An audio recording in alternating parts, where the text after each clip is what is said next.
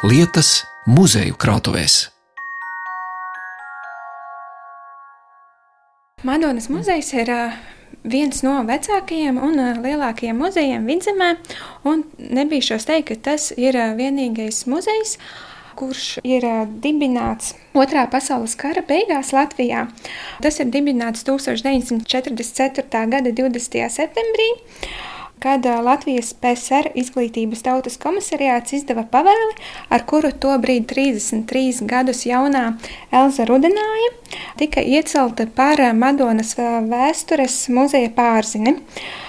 Pilsētā kopš 13. augusta bija padomju vara, bet ērgļos, kas ir aptuveni 40 km attālumā no šejienes, vēl turpinājās divu armiju kaujas. Tā stāsta Madonas novatpētniecības un mākslas muzeja krājuma glabātāja Sabīne Mika. Šī muzeja krājumā Sabīna ceļ galdā divus jaunumus - nesen ienākušu priekšmetu ķemmi, kam tiek meklēti īpašnieki, un vēl ielūkosimies darbā, kas ir nu pat apkopots krājumā. Bijušās Lasdonas skolas skolotājas Leontīnas Pelšas dabas un sadzīves pierakstos. Tas noteikti ir minēts. Nu, jā, te ir 11. Tā, mm -hmm. tā labi. Mēs paņemsim pēdējo klādi. Tāda burtnīca. Tā. Jā, laika grāmata. 13.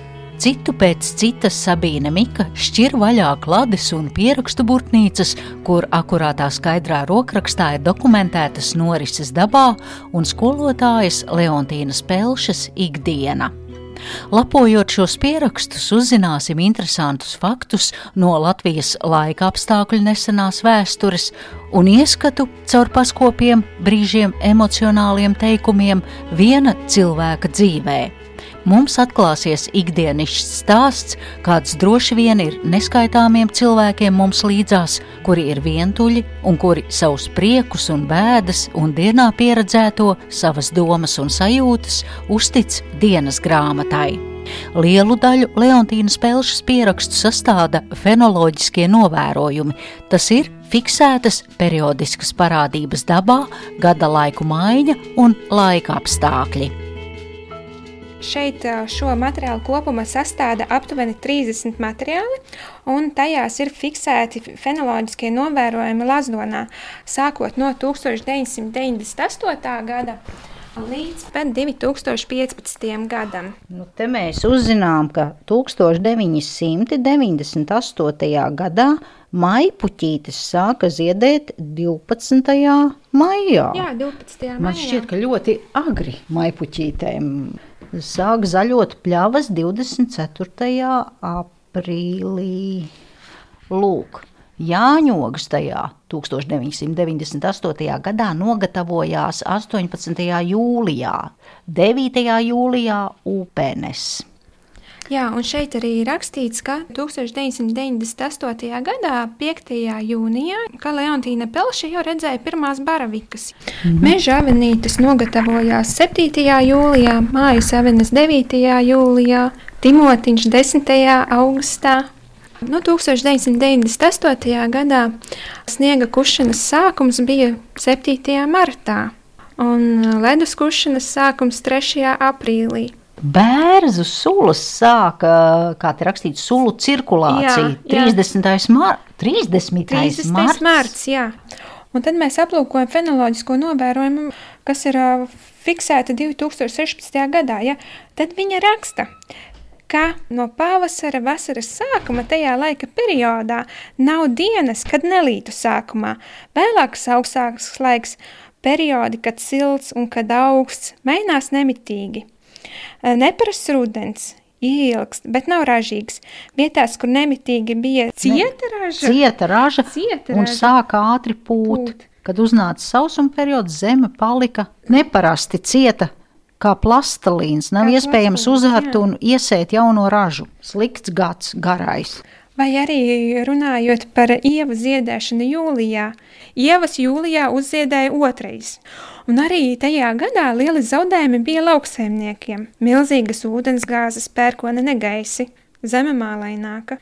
Ko es vēl gribētu piebilst? Teiksim, šeit 2004. gada klādē laika grāmatā viņa ir fiksējusi, ka 21. septembrī Latvijā ir bijusi 3,5 magnitūdas stipra zemestrīce varam redzēt arī to, ka cik viņai ir bijis plašs vārdu krājums. Lūk, 13. jūlijā viņa pa laiku raksta.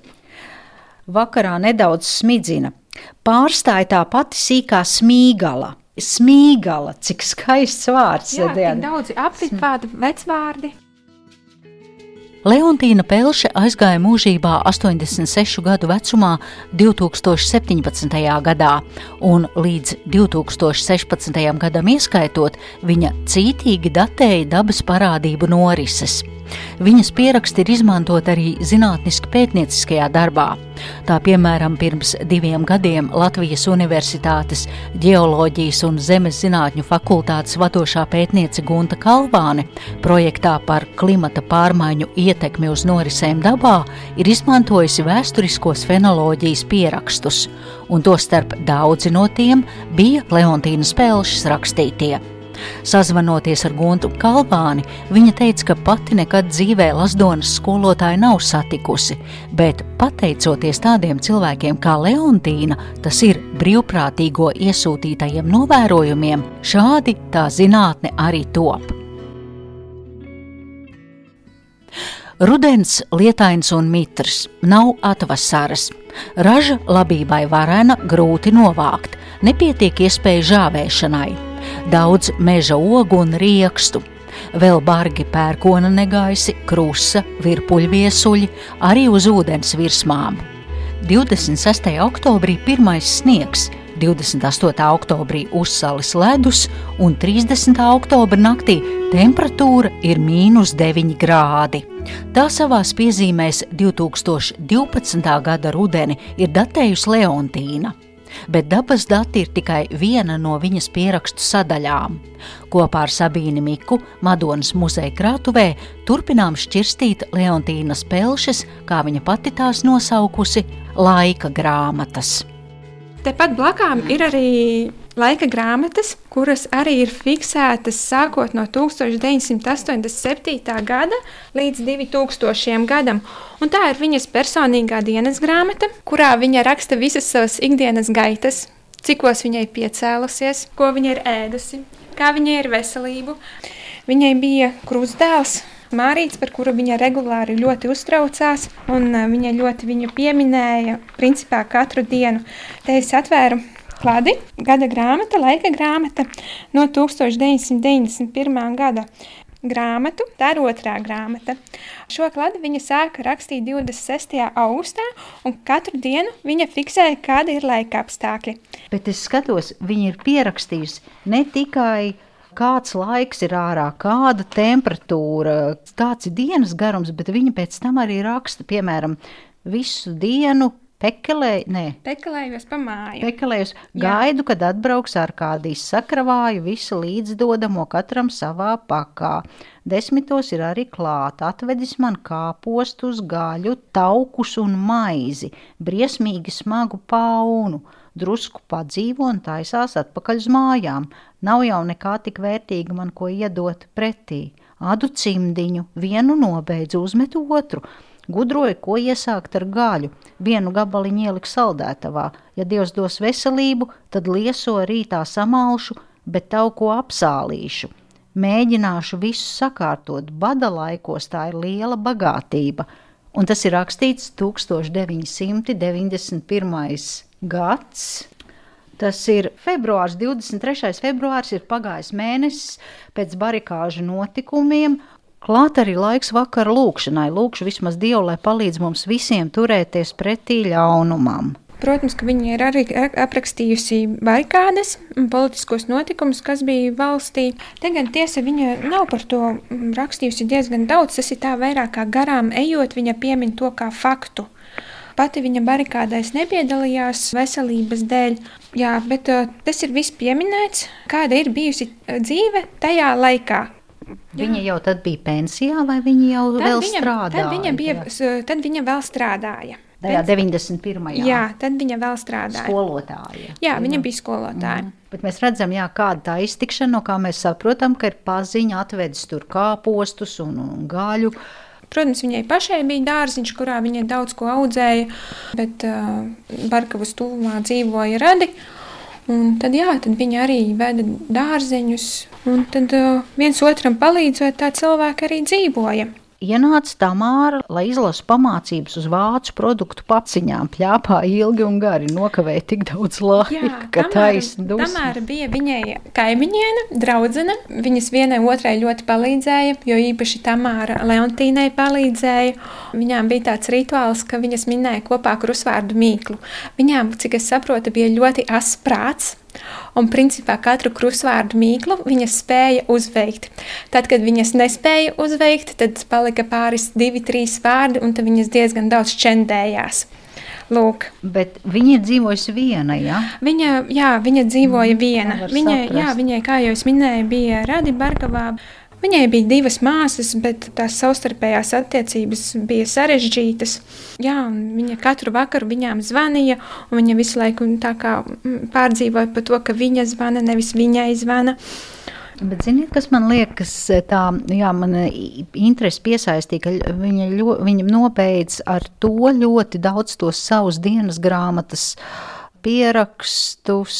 Dievs sargā mūs, Dievs pasargā mūsu zemi un tautu, nelieši savelk cilpu ap mūsu kaklu. Un tas ir rakstīts 91. gada 2. martā ka viņai tādas vai bailes par to, ka tolaik nu, padomju savienība bruka un juka, sarkanais terors plosās. Un tas ir rakstīts 10. martā 91. gadā, ka viņi ļoti sāsināti uztver to, kas notiek toreiz padomju savienības agonijā. Mēs Protams, viņa Vai... uztraucās, viņa baidījās. Viņa bija sirdī vientuļa. Viņa, mm. Bet būt vientuļam, ka tev nav ar ko padalīties, tas ir skumji. Un bieži vien pēc um, dienas grāmatām var saprast, ka viņa tā jutās, ka viņai vajadzēja to cilvēku, cilvēku pieskārienu blakus. 1989. gada 30. decembris. Izgāju ārā, šausmīgs slidens, viss iekalts ledū un vēl pārkaisījies sniedziņš. Aizlavierēju uz mežu, izstaigājos pa svaigu gaisu, padzīvoju koku sabiedrībā. Sāk krēslot, atgriezos mājās, nolauzu dažus skuju zariņus. Sāku ķimerēties ar dzijām, šādi tādi mini-kamolīši. Visus pārtinu uz divām daļām, sādīšu zeķītēs, būs vismaz kājām silti, citādi tikai kodas dzīvo. Tā paša gada 31. decembris.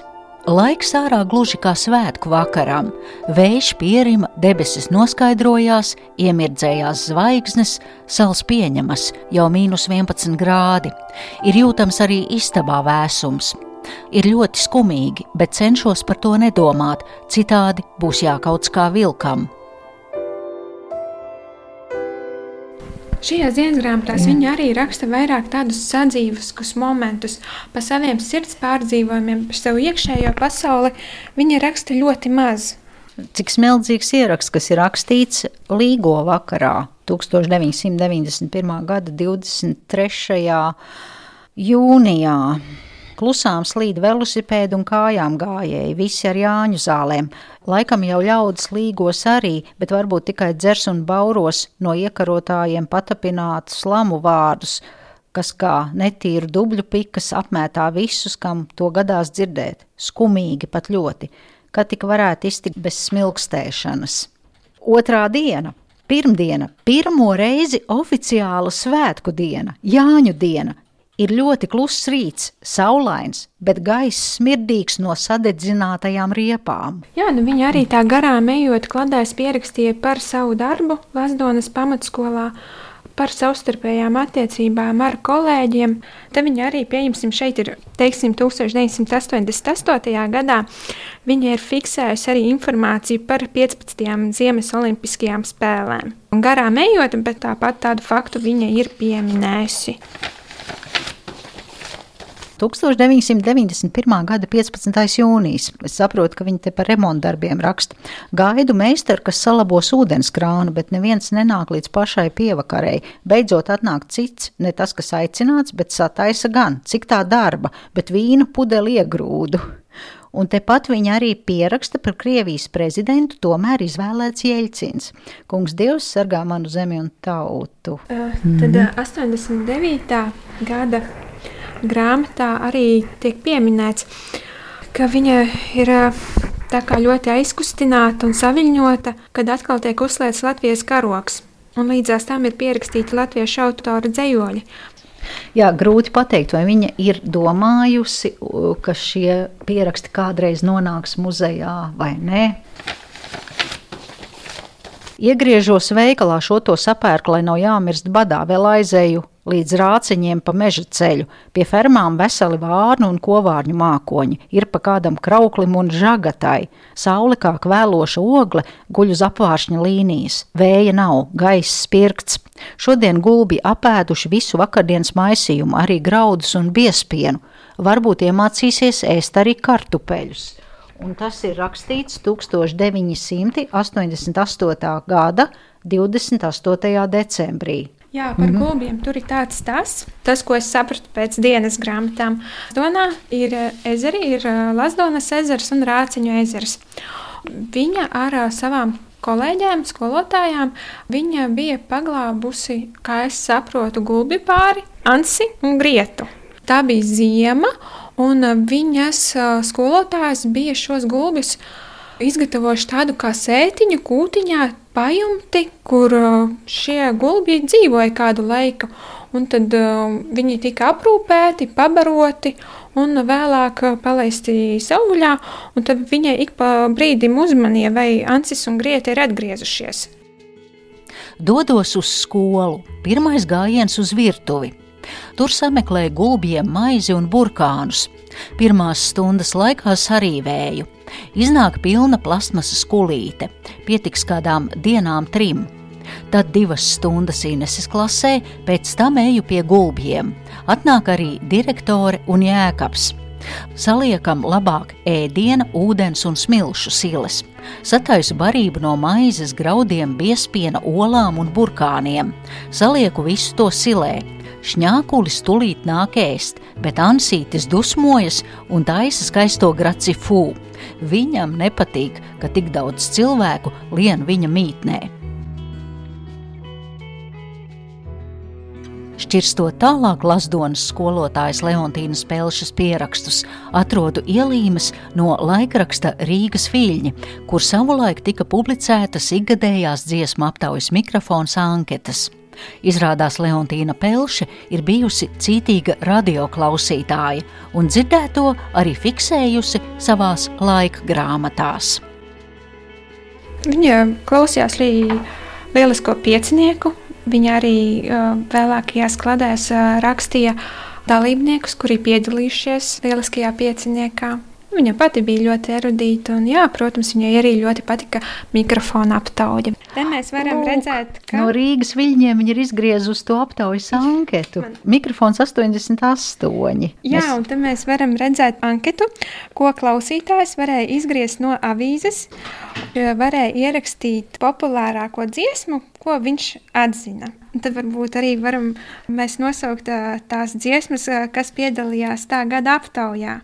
Rozenštrauhai māte Latgale, grupa Doktors Fausts Akmens ēnā, Turaids Roze Buram dziesmiņa, grupa Laiks Čaka iela, grupa Varavīksne dziesma Džulieta, Odis Hei mazā, grupa Kapitālais remonts ar dziesmu Iela, Nobalsoja par Rozenštrauha Aimāte Latgale. Mikrofona 88 dziesmu aptaujas noslēguma koncerts. Mikrofona loto man nelaimējās. Biju nosvītrojis pareizi tikai vienu no septiņām dziesmām. Noslēguma koncertu vada Edgars Liepiņš.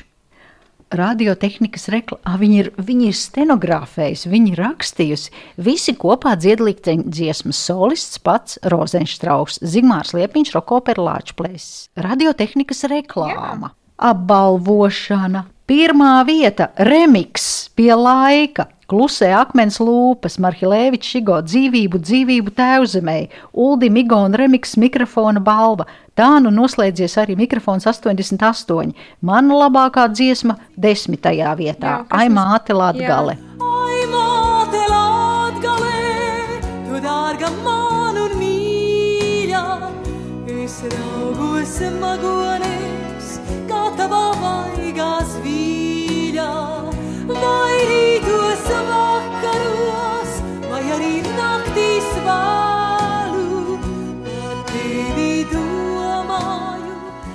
Liekam punktu šī īpašā kultūra vēsturiskā dokumenta apskatam, kurš droši vien nākotnē lieti noderēs ne tikai Madonas pagātnes pētniekiem, bet būs arī laba liecība citu jomu pētniekiem.